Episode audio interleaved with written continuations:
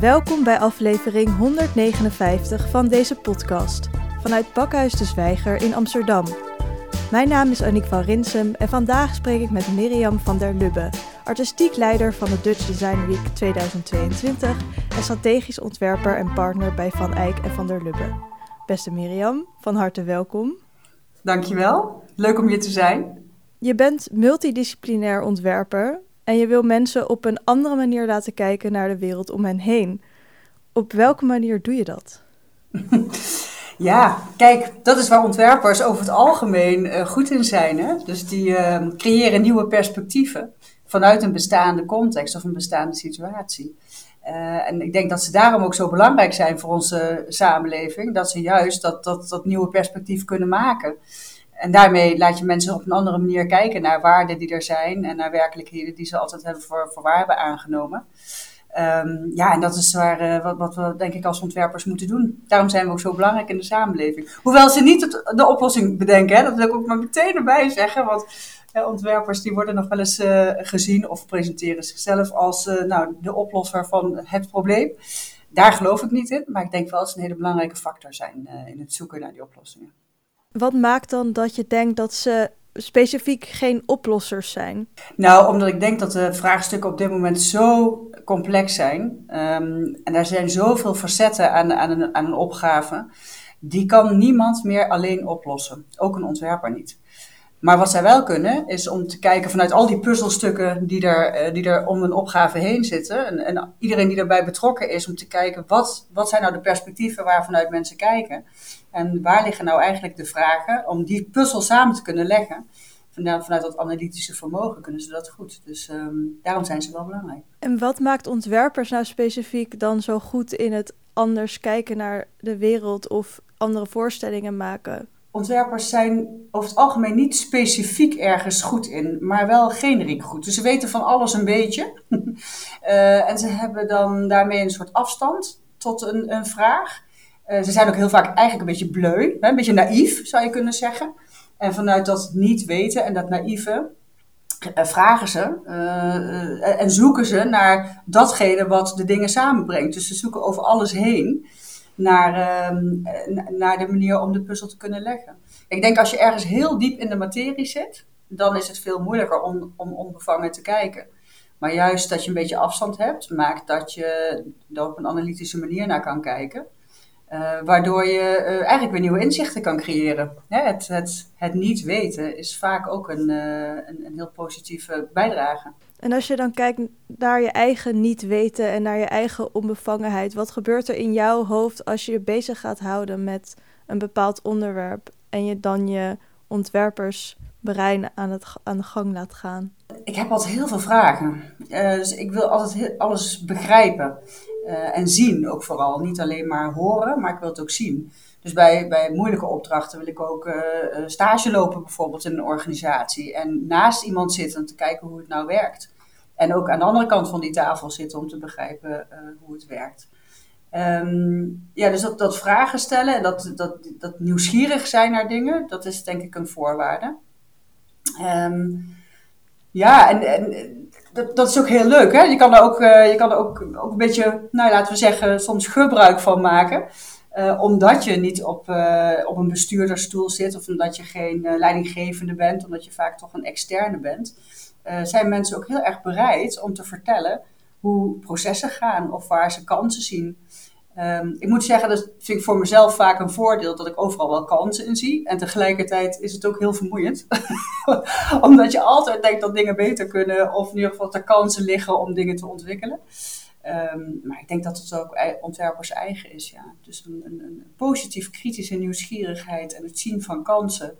En daarmee dat, dat, ja, het in beeld kunnen brengen van wat het zou kunnen zijn of hoe we zouden kunnen bewegen. Ja, dat maakt denk ik dat het ontwerperschap uh, mooi is en ook kan bijdragen aan, uh, aan die ontwikkelingen die we nodig hebben. Je studeerde af aan het Sandberg Instituut en de tentoonstelling die je daarvoor maakte was niet een fysieke plek, maar in de krant. Ja, uh, zou je daar wat meer over willen vertellen? Ja, dat, dat, was, uh, dat, was leuk. Dat was wel lang geleden, maar uh, ik studeerde inderdaad uh, aan het Sandberg Instituut af. In, ehm, volgens mij was het 1997, als ik het goed zeg. En er was eigenlijk daar de vraag om een, een, een, een afstudeertentoonstelling te maken. Dat, zo werd het tot dan toe altijd gedaan. laten zien wat je hebt gedaan in de periode dat je daar studeerde. En vaak gebeurde dat in een, ehm, in een galerie of, of, of binnen de academie of, of misschien in een museum. Maar toch wel vaak voor een, laten we zeggen, een, een, een intellectueel exclusieve groep mensen. En mij leek het zo gaaf om een keer een tentoonstelling te maken die voor iedereen op een hele makkelijke manier te uh, bezoeken was. En uh, ik heb toen samen met de PCM, toen nog de PCM Landelijke Dagbladen, contact gezocht met uh, Hanneke Haneveld. Moet ik ook zeker vernoemen, want zij was daar toen in, verantwoordelijk voor. En het idee voorgelegd om, om de tentoonstelling in de krant te houden. En zij zag dat heel erg zitten. Toen hebben we één pagina, een hele pagina in de Volkskrant, de Trouw, NRC en Parool op één dag kunnen benutten om een tentoonstelling te houden. En daarmee eh, was het ook meteen het eh, product met de hoogste oplage die we ooit hebben gemaakt. Dat was 846.000. Uh, stuk zijn er geproduceerd en verspreid door Nederland. Um, en daar konden mensen op reageren op de tentoonstelling, want er zat ook een bon bij. Dus uh, mensen mochten. Want hoe zag het eruit? Beschrijf het eens. Het was een, een, een, hele pagina, dus het oude formaat krant zag ik er dan maar meteen bij. Dus het was een grote pagina. En daar stonden eigenlijk alle producten bij, die ik, uh, of objecten, um, die ik had gemaakt en ontworpen tijdens het Sandberg Instituut, met een kleine omschrijving daarbij. Maar daar zat ook een bon bij, want ja, een tentoonstelling en een afstuderen moet natuurlijk ook beoordeeld worden. En daar, op die bon stond dan de vraag aan uh, de lezers of ze wilden meebeoordelen. En daar kregen ze dan gelegenheid voor om een cijfer in te sturen en een motivatie daarvoor, of het dan geslaagd zou zijn of niet. Maar er stond ook uh, bij het, als je het, uh, het, het, werk wilde ondersteunen, dat je geld kon storten. Met mijn rekeningnummer stond erop. En er waren dus inderdaad mensen die dus geld stortten daarop om, om de, het, werk mogelijk te maken. Um, en dat, ja, die stapel bonnen die terug is gekomen, die heb ik natuurlijk nog steeds. Dat was waanzinnig. Dat je uh, mensen dus op een, ja, op een, op een manier kan verrassen die ze eigenlijk niet verwachten, s ochtends aan de keukentafel. Ik kreeg ook kritische brieven, dus uh, waar er dan uh, een, object. Dus er was één, bijvoorbeeld een. Uh, die noemde ik snoepjesketting, maar die bestond helemaal uit allemaal pillen en, uh, en, en vitaminepillen, paracetamollen en weet ik veel wat allemaal als reactie natuurlijk op onze maakbare samenleving. Uh, en toen kreeg ik toch een brief terug van een arts die, uh, die mij toch onder de aandacht wilde brengen hoe schadelijk dat wel niet was. Als je dat in één dag op zou eten, dat dat uh, toch niet gezond was. Voor dat, dat, soort brieven kreeg ik ook terug. Ja, en het was eigenlijk best overweldigend om te merken dat dat dus zoveel deed bij mensen. Om zo'n pagina op de krant, of zo'n pagina op de deurmat te krijgen. Ja, de, ja, want je noemde een heel hoog aantal net, maar hoeveel, hoeveel beoordelingen heb je dus oh. Binnengekregen ongeveer? Ja, ik denk een paar honderd. Ik denk een 200 of iets dergelijks. Ja, het was een, flinke stapel. Waar ik ook weer een tentoonstelling over heb gemaakt trouwens. Want dat, uh, ik vond het heel, heel bijzonder dat mensen dus de moeite nemen om dat werk echt te bekijken en uh, daar iets over te vinden en op te schrijven. En dan vervolgens in een envelop te doen en een postzegel erop en op te sturen. Hè? Dus al die moeite om je te laten weten wat ze ergens van vonden. Dat, ja, dat is me dierbaar geweest, ja.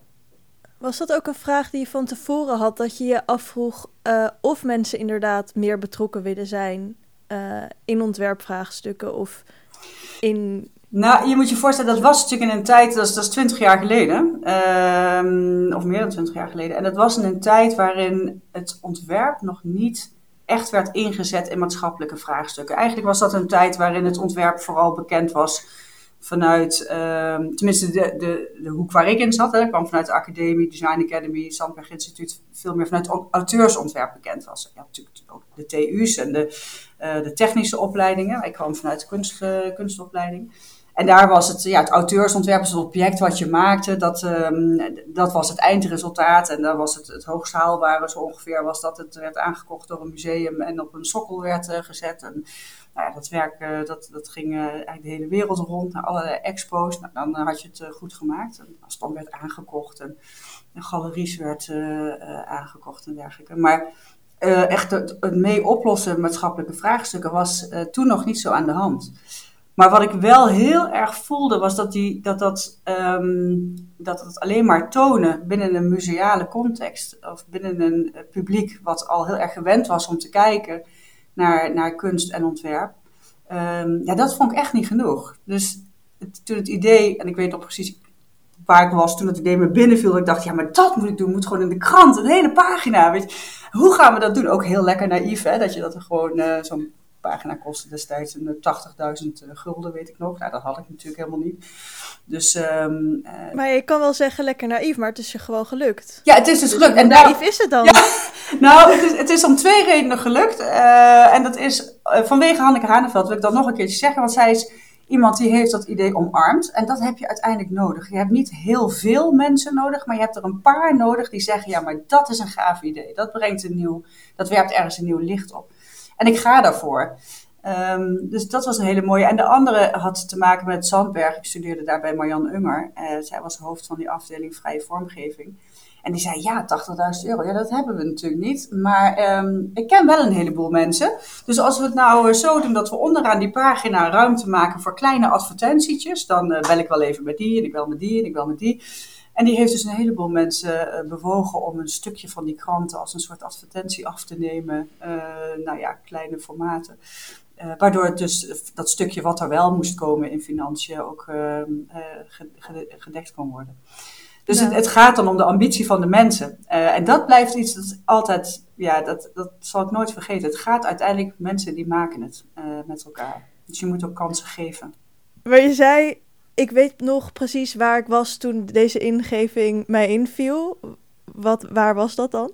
Ja, dat was. Uh, ik, daar, ik, daar, ben nog steeds samen met, uh, met Niels, uh, mijn partner. En die, die had een heel oud krakkemikkig Volk, Volkswagen busje. En wij reden ehm, hobbelend in dat busje langs het, langs het water.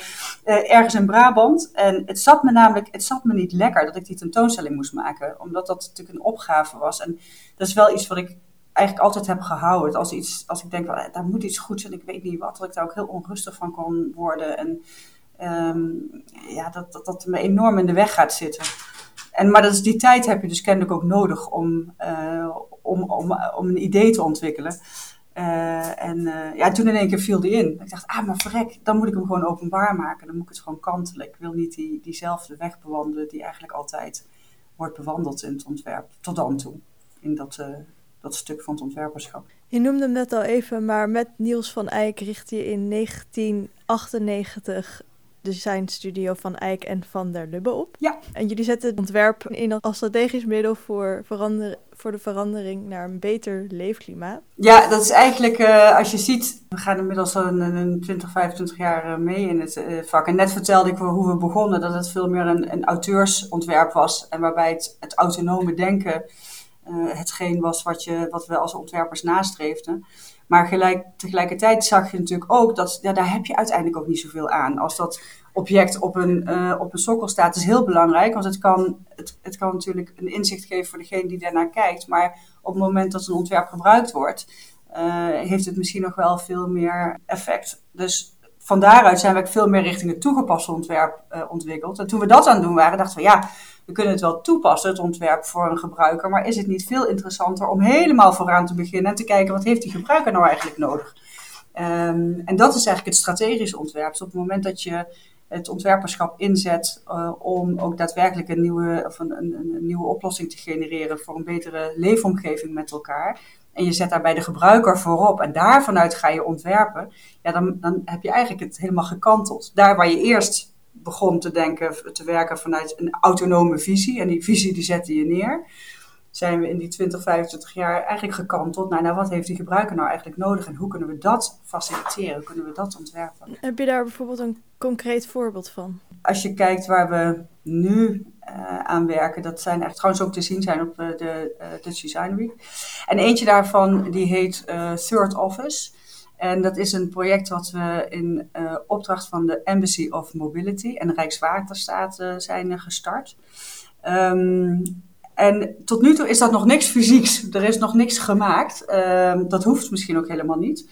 Want we willen juist gebruik maken van, uh, van bestaande structuren uh, die, er, die er dus al zijn. Maar waar de vraag over gaat is dat we, we willen allemaal naar een betere leefomgeving uh, bewegen. We willen meer groen, we willen meer ruimte, we willen gezonde lucht.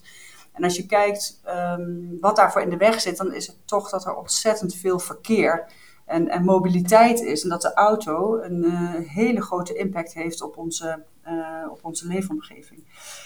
En wat we zagen in de coronatijd was dat er in een split second kon in één keer iedereen thuiswerken. Was het natuurlijk wel even aanpassen uh, en voor lang niet iedereen even uh, prettig en hadden ze de goede omstandigheden. Maar vanuit werkgevers kon het in een split second. Uh, en langzaamaan dat COVID nou, nou ja, voorbij is, of misschien, we weten niet hoe deze winter eruit gaat zien, maar we hebben er meer mee leren, le leren leven. Um, zie je dat iedereen weer de weg op gaat. En zie je dat het, de, het verkeer en de files drie keer zo hard terugkomen als uh, voorheen. En Third Office gaat erover van nou, wat nou als we um, op een andere manier met werk omgaan. Hè? Je ziet dat veel bedrijven eigenlijk die 60% op kantoor werken willen handhaven en 40% niet op kantoor. Maar hoe kunnen we dat nou goed ontwerpen? Dus als iedereen een dag minder naar kantoor zou reizen, dan zou dat 20% van de files uh, uitmaken. Dus dat heeft substantieel verschil. Um, en Third Office gaat erover wat als we nou gebruik maken van plekken die er al zijn in onze in onze omgeving. Uh, en die gaan we benutten als werkplek, dus als een soort van dubbel grondgebruik zou je kunnen zeggen. Zodat mensen binnen een straal van 15 minuten fietsen of, uh, uh, of lopen van huis daar kunnen werken. En niet iedereen heeft de, de, de luxe van een, een, een eigen werkplek. Of de kinderen die de hele dag voorbij rennen. Of nou, het werk in de slaapkamer hebben we natuurlijk allemaal voorbij zien komen. Maar dat je daar de momenten dat je dus niet naar kantoor gaat, dat je gebruik maakt van uh, third office. Uh, en op een plek die je aanspreekt, op een plek die je nodig hebt voor die dag. Misschien is dat een hele inspirerende plek, of misschien is dat juist een plek waar je met collega's wel kan samenwerken. Of een plek waar je ook je boodschappen kan laten bezorgen. Of uh, waar je je, je, je hond kwijt kan om tussen de middag uit te laten. I don't know. Maar in ieder geval andere plekken. Um, dus eigenlijk is Third Office wordt een, wordt een een platform waarbij uh, enerzijds uh, werkgevers kunnen aangeven dat dat plekken zijn waar werknemers mogen werken. Anderzijds zijn het plekken waar werknemers graag willen werken, uh, omdat ze dat echt bijdraagt voor hun aan een, aan een goede daginvulling, of in ieder geval een goede situatie om te werken. En het zijn locaties die, behalve de tijd dat het normaal gesproken gebruikt wordt, nog een extra uh, functie gaat krijgen. Nou, zoiets is veel meer een strategie waar je aan het werk bent van hoe kan je nou met de middelen die er al zijn op een andere manier invulling geven, zodat we ook uh, daadwerkelijk heel dat mobiliteitsvraagstuk uh, kunnen aankunnen en in ieder geval bij kan dragen aan de vermindering van die, van die mobiliteit. Nou, we hebben nog geen ruimte ontworpen, we hebben nog geen stoelen en tafels ontworpen. dat is misschien ook allemaal helemaal niet nodig, maar we hebben een systeem ontworpen. Ja, je zegt de, er, dat is eigenlijk met de middelen die je al hebt werken, maar wat is er dan al bijvoorbeeld? Nou, je kan je voorstellen, als je bij bedrijven kijkt die um, in zijn gericht op een, of, dat al het personeel daar op locatie moet werken. En van daaruit komt ook het beleid dat er 60% op kantoor wordt gewerkt en 40% niet op kantoor. Dan komt daar dus ook daadwerkelijk fysieke ruimte vrij. Nou, nu staat dat leeg, is dat onbenut. Uh, en, en is dat eigenlijk allemaal ruimte die ja, terwijl we zo hard op zoek zijn naar ruimte, als je alleen al kijkt naar ons enorme woningnoodprobleem, moeten we veel slimmer omgaan met ruimte. Ja, waarom kan die, kunnen die plekken niet gebruikt worden door andere organisaties die daar weer veel dichterbij uh, zijn in locatie? Hè? Dus mensen die daar dichterbij wonen, waarom kunnen die niet gebruik maken daarvan? Of waarom uh, op het moment dat je de, uh, laten we zeggen, in, in, in, scholen, waarom kunnen die ruimtes s'avonds niet gebruikt worden om te werken? Hè? scholen zijn over het algemeen tussen 9 uur s ochtends en uh, laten we zeggen 4, 5 uur wordt die, flink gebruikt. En in de avonden zijn die ruimtes leeg. Ja, misschien dat zijn dat wel hele prettige plekken voor mensen om te kunnen werken in plaats van thuis met de, met de kinderen op de achtergrond. Of uh, misschien nou, in, de, in de horeca zijn er allerlei plekken die juist weer in de avond worden gebruikt en overdag weer veel minder worden gebruikt. Dus je zal moeten zoeken naar plekken die, um, die wel een, een, een kwalitatieve nou, keurmerk zouden moeten krijgen. Hè? Dus dat moet je natuurlijk wel voorzien, want ja, dat moet dan voldoen aan de, de eisen van, uh, veiligheid. en, nou ja, moet, natuurlijk moeten er goede voorzieningen zijn, zoals een wifi. En moeten er goede arbeidsomstandigheden zijn. Maar ehm, ik denk dat daarin heel veel mogelijk is als je op een andere manier gaat denken. En als je veel meer vanuit een gezamenlijke opgave denkt en het delen. dan ieder voor zich in zijn eigen voorziening het gaat niet per se op het ontwerpen van die plekken alleen. Het gaat ook om, om het ontwerpen van een nieuw systeem waarin we dus anders nadenken over eigendom. Precies. Nog, nog een ander project waar we mee bezig zijn, dat gaat weer over het toerisme. Nou, iedereen heeft gezien wat voor een enorme impact toerisme kan hebben op, uh, op, onze, samen, op onze samenleving. Uh, en ook wat er gebeurt als toerisme volledig wegvalt. Hè? Dus uh, je ziet ook hoeveel Ehm, nou, wat de impact is van, van toerisme in onze samenleving, die is groot. Maar hoe kunnen we nou toerisme ontwerpen waarbij dat reizen niet het doel is, maar waarbij het een middel is om opgaven die we hebben met elkaar aan te kunnen gaan? Er zijn hele gebieden in, uh, in Nederland bijvoorbeeld waarbij het cultureel erfgoed niet onderhouden kan worden. Uh, daar zijn uh, gebieden waar, en, en, ook trouwens midden in de, in de steden, waar eenzaamheid gewoon steeds meer toeneemt. Nou, hoe kunnen we er nou voor zorgen dat juist die bezoekerseconomie, dat wat mensen in beweging brengt, kan helpen bij die maatschappelijke vraagstukken? En ik heb daar nog geen antwoorden op, maar dat is wel een van de projecten waar we mee bezig zijn en wat ook op de DDW eh, te zien zal zijn. Uh, om te kijken samen van wat is er nou echt nodig? Waar zit nou die intrinsieke motivatie van die bezoekers? En hoe kunnen we dat nou slim inzetten in de vraagstukken die we, die we hebben met elkaar? Het gaat veel meer over systeemdenken uh, dan inderdaad een fysiek product. Om dit ook te bewerkstelligen, dan heb je, moet je ook eigenlijk mensen laten zien dat het anders kan. En misschien mede daarom ben je ook niet alleen ontwerper, maar ook curator, bestuurder. En ja, vanaf welk moment begreep je of had je ook zin om ook met, met vanuit een soort bestuursvisie met je vakgebied om te gaan? Ja, dat heb ik eigenlijk altijd gehad. Um, al vanaf het begin dat ik was afgestudeerd van, uh, nou, eerst uh, Design Academy en, uh, en Sandberg Instituut, heb ik altijd de behoefte gevoeld om dat vak mee te helpen. nou ja, niet zozeer ontwikkelen, maar vooruit te helpen. Um, en dat deed ik helemaal in het begin door bijvoorbeeld mee te werken met, bij het vormgeversoverleg, wat toen in, in, Eindhoven al bestond. En dan organiseerden we lezingen eens in de maand. En werden wel eens boekjes uitgegeven en dat soort dingen. Nou, later ben ik, heb ik jarenlang in het bestuur, algemeen bestuur van de beroepsorganisatie, de BNO, gezeten. Ik zit vaak in, in, commissies of in adviesraden. Maar ja, weet je, ik, het is zo, um, er ligt nog zoveel potentie in, dat, in die creativiteit. En echt niet um, uh, zeg maar alleen bij, uh, bij wat wij zelf doen, maar ik zie het overal in die ontwerpsector hoeveel potentie daar ligt en hoe weinig er eigenlijk nog echt van benut wordt. en dat, daar erger ik me aan, enerzijds. Um, en anderzijds ja, raak ik er juist erg gemotiveerd van om, ja, om dat dan mee aan te pakken. Het is ja, er blijft nog te veel liggen. Je zei het ook al in het begin van het gesprek dat je het soms ook irritant vindt dat je zoveel kansen ziet. Maar waar haal jij dan wel die durf vandaan om daar dan mee bezig te blijven? Ja, nou, kijk, op het moment dat ik zie dat een kwartje valt bij iemand, hè, en dat, er, dat de ogen een beetje beginnen te stralen, en dat iemand enthousiast uh, gaat raken, en dat hij zegt. Uh, Um, dat hij er meer van wil weten, dat hij de DDW wil bezoeken, dat hij andere ontwerpers wil zien die met die opgave bezig zijn. Denk ik, ah, daar is er weer één gewonnen. Hè?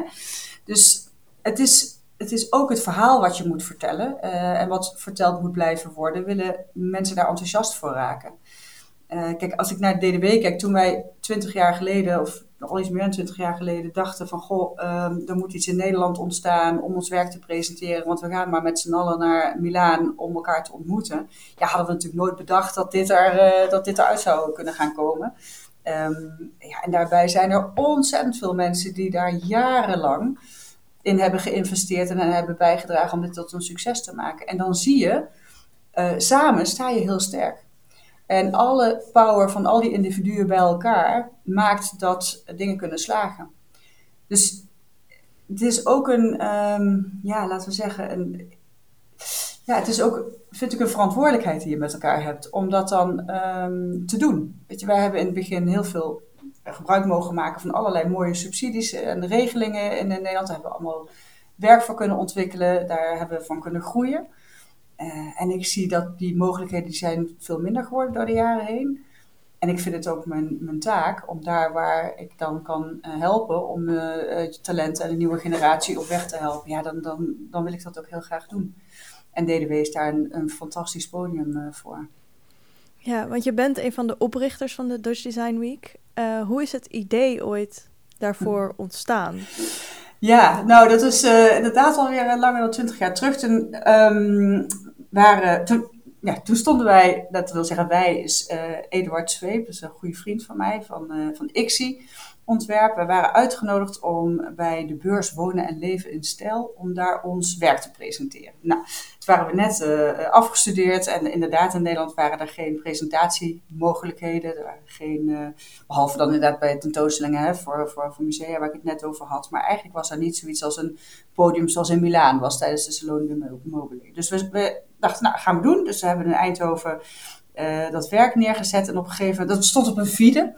En um, daar beneden was die beurs, Wonen en Leven en Stijl. En wij hingen op een gegeven moment over die reling naar beneden te kijken. En we werden me toch een potje depressief. Dat was verschrikkelijk wat, we daar, uh, wat we daar zagen. Ik dacht, jeetje, weet je, dat, dat was zo'n ander soort Um, ja, veld. Ook alleen al die titel vind ik al om een beetje depressief van te worden. Eigenlijk was het gewoon een veredelde braderie. Uh, en wij stonden daar met al ons conceptueel denken en al onze ambities, stonden we daar met ons werk. Ik dacht, het kan gewoon niet de plek zijn uh, in Nederland om je, om je werk te presenteren. Dat moet gewoon anders. En toen zijn we ook dat heel naïef trouwens, zijn we, uh, zijn we gewoon begonnen. Een klein boekje gemaakt en dat heette, destijds heette het nog Designers Present. Um, en hadden we dan als idee dat er allemaal bouwkeetjes werden gezet in uh, Eindhoven. En dat iedereen daar dan zijn werk in ging zien. En uh, dat we, um, het hebben we allemaal ontwerpers uitgenodigd om hun werk te presenteren. Dat was dan de eerste versie. Maar overal waar we kwamen, zei, zeiden eigenlijk de, de, organisaties en de instanties, want ze zijn natuurlijk overal geweest, bij, bij de gemeente en bij Philips en bij Design Academy, noem het allemaal maar op. En niemand zei echt nee. Maar dat is heel Brabant. Um, dat wist ik toen nog niet, want zo lang woonde ik nog niet in Brabant. Maar um, iedereen vermeed eigenlijk het echt de deur dicht te gooien. Maar op het moment dat niemand nee zegt, ja, dan denk je ja, dan misschien toch, hè? dus dan blijf je, dan blijf je daarin uh, de kansen zien om wel uh, door te gaan. En na die eerste paar edities hebben, dat heette dat, hè, eerste paar edities van Designers Present hebben we, uh, heeft het vormgeversoverleg heeft dat overgenomen en is het op een gegeven moment doorgegroeid en doorgegroeid tot het enorme event wat het uh, nu is. Maar ja, ook dat is eigenlijk gekomen dus vanuit een behoefte, vanuit het veld. En dat vind ik ook wel belangrijk om te zeggen, want dat, dat is het nog steeds. Het is een, een, een, een community-driven organisatie. En dat vind ik er ook zo mooi aan.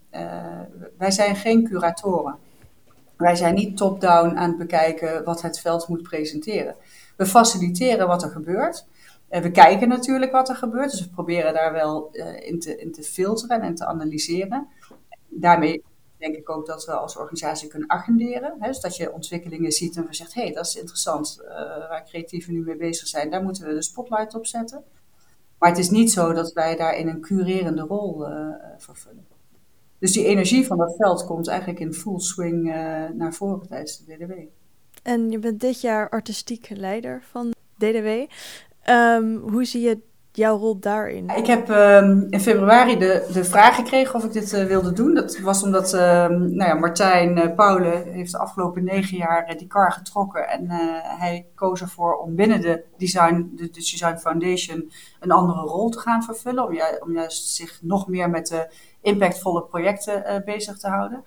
Um, en hij vroeg, joh, wil jij de DDW-kar trekken dit jaar? Nou, dat, um, dat is natuurlijk een hele eervolle vraag. Ik vond het ook wel erg grappig. Ik denk, ja, na twintig jaar uh, ben je, word je gevraagd om dan deze rol weer te vervullen. Dus ik vond het super eervol. En uh, ondanks dat ik dacht, hoe ga ik dat doen? Dacht ik, ja, oké, dat ik het ga doen. Staat dan uh, bovenaan. Nou, nog kijken hoe. Maar um, ja, wat, wat voor mij heel belangrijk is, is dat dat, dat event is de afgelopen jaren tot echt een heel groot, stevig festival ontwikkeld. En als je dan inderdaad terugkijkt, dan zie je dat de eerste tien jaar wellicht nodig zijn geweest om überhaupt uh, creativiteit op de kaart te zetten met elkaar. Hè?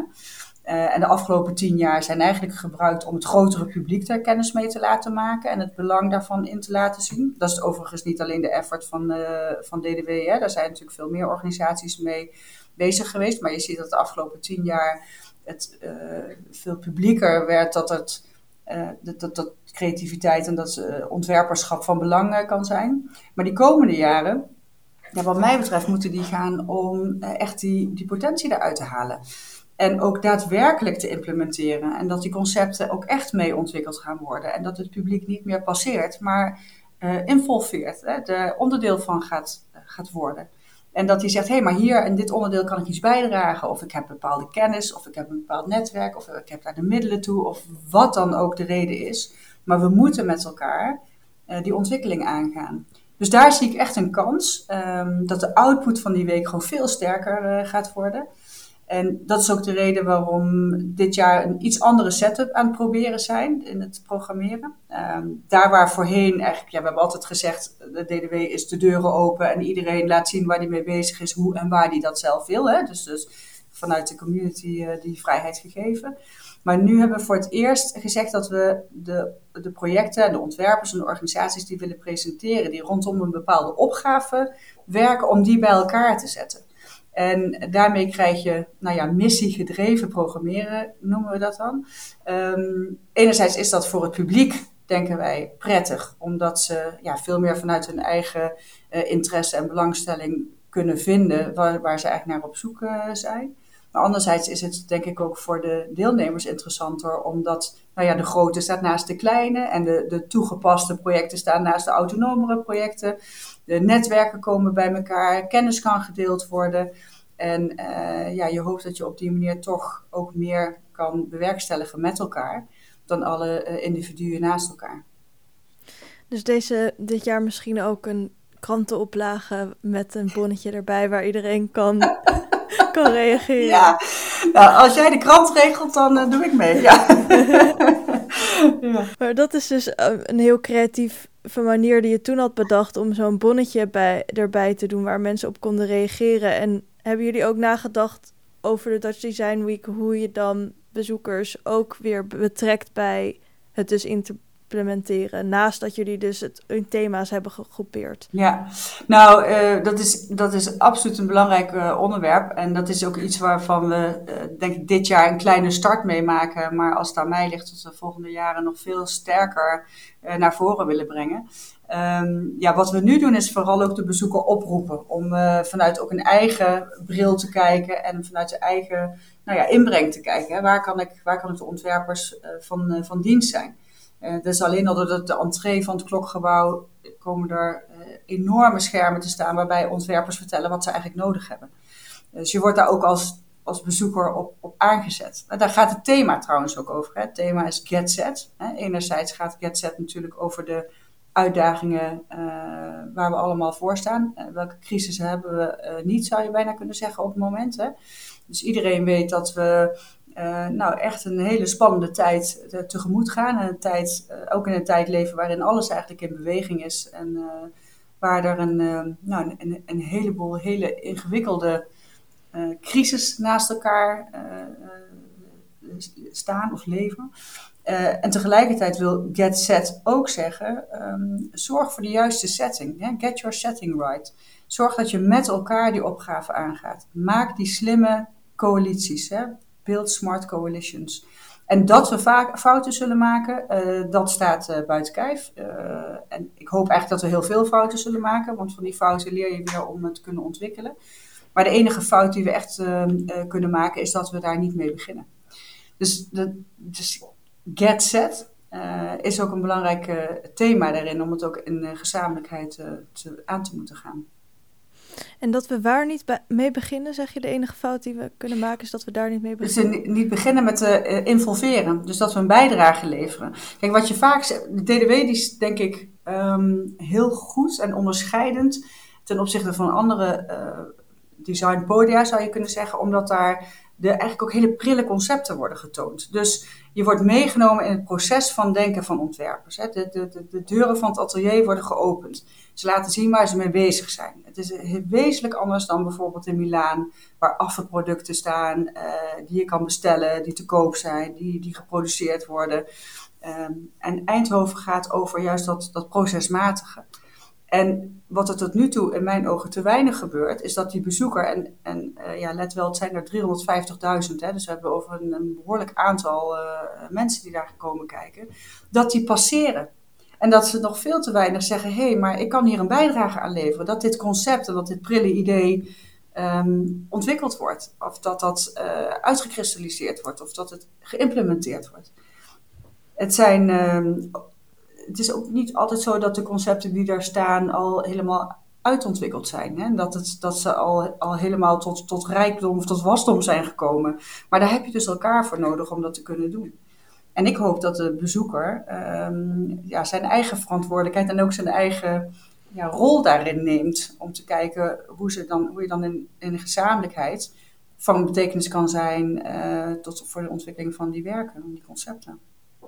En hoe ziet dat er dan uit? Gewoon in de week zelf in gesprek gaan met ja. de ontwerpers? Ja, dat is natuurlijk ook een, denk ik het fraaie van, uh, van de DDW is dat de ontwerpers zijn daar.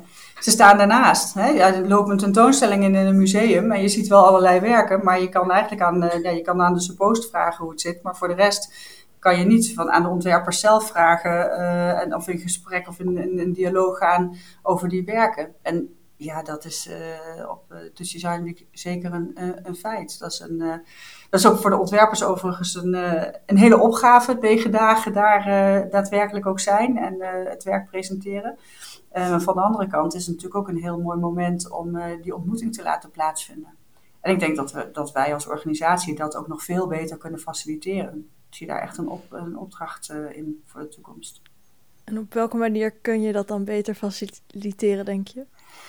Nou, dus, um, dat proberen we nu dus te starten met die missiegedreven programmering. Dat ze in ieder geval in elkaars nabijheid staan. Dus dat in ieder geval die netwerken ook ontsloten worden. Dus dat niet iedereen alleen maar zijn eigen groep uitnodigt of zijn eigen netwerk uitnodigt. Maar dat je met elkaar um, uh, kan inpluggen op elkaars kennis en netwerken. Maar ik, um, uh, ja, kijk, ik ben nu een half jaar hier mee bezig geweest. Maar ik denk dat we naar die, die toekomst toe dat veel verder door het jaar heen ook naar voren kunnen halen. Om uh, die atelierbezoeken die doen, of die studiovisits, die, die vinden al plaats.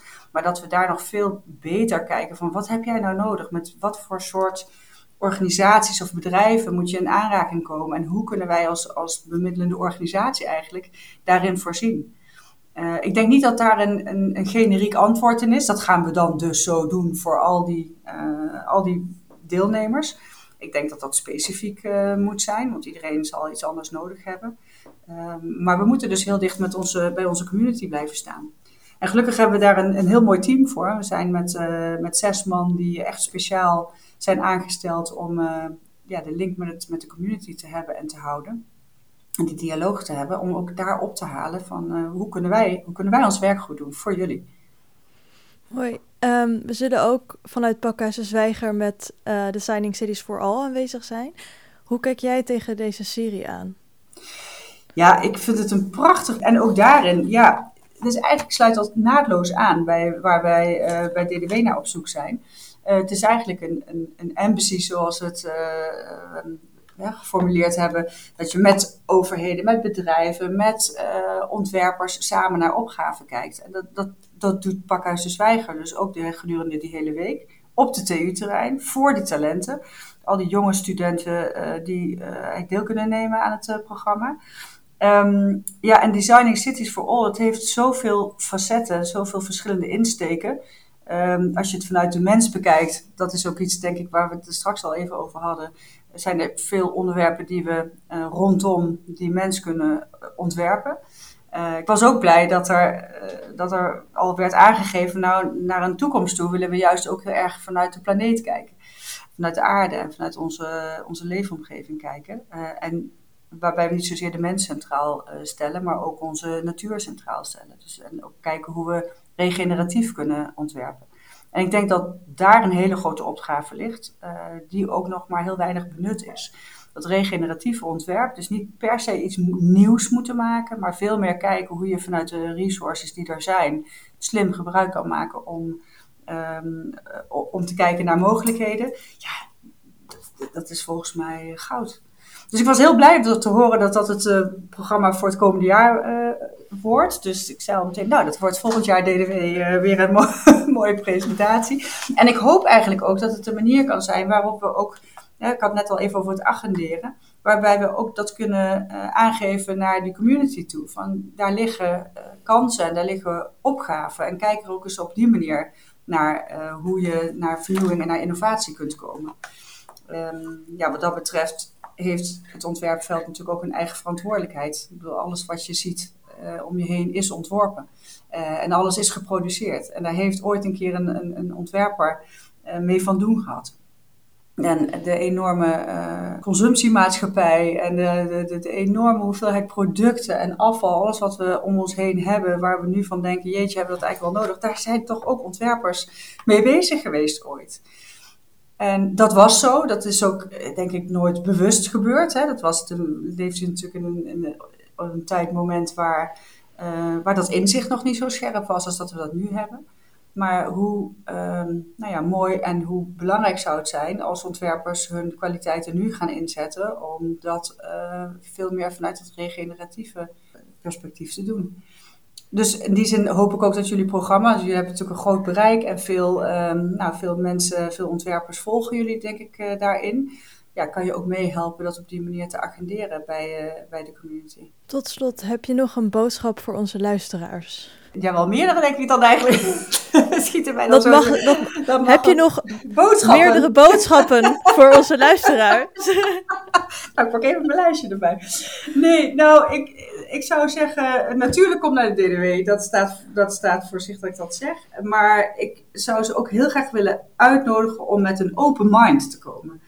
En je te laten verrassen en je te laten meenemen in de verhalen van de ontwerpers. Het gesprek aan te gaan met de ontwerpers. Maar ook te kijken wat je zelf kan doen. Op welke manier kan je bijdragen? En uh, misschien denk je dat dat te klein is of, of uh, te weinig betekenisvol, maar daar geloof ik eigenlijk niet in. Ik denk dat alle, uh, alle kleine en grote initiatieven bijdragen. Dus dat, ja, dat, dat, dat, dat, zou ik ze dan op dit moment willen meegeven. Ja, ja. Heel veel dank, Mirjam van der Lubbe. Graag gedaan. Beste luisteraars, dit was aflevering 159 van de podcastserie van Pakhuis de Zwijger. Wil je meer weten? Kom dan naar Designing Cities for All at de Dutch Design Week van 24 tot en met 28 oktober bij de TU Eindhoven. Gaat specifiek ook verder tijdens het programma Creating a Future for All op die vrijdag 28 oktober om half drie. Dank voor het luisteren en tot de volgende keer.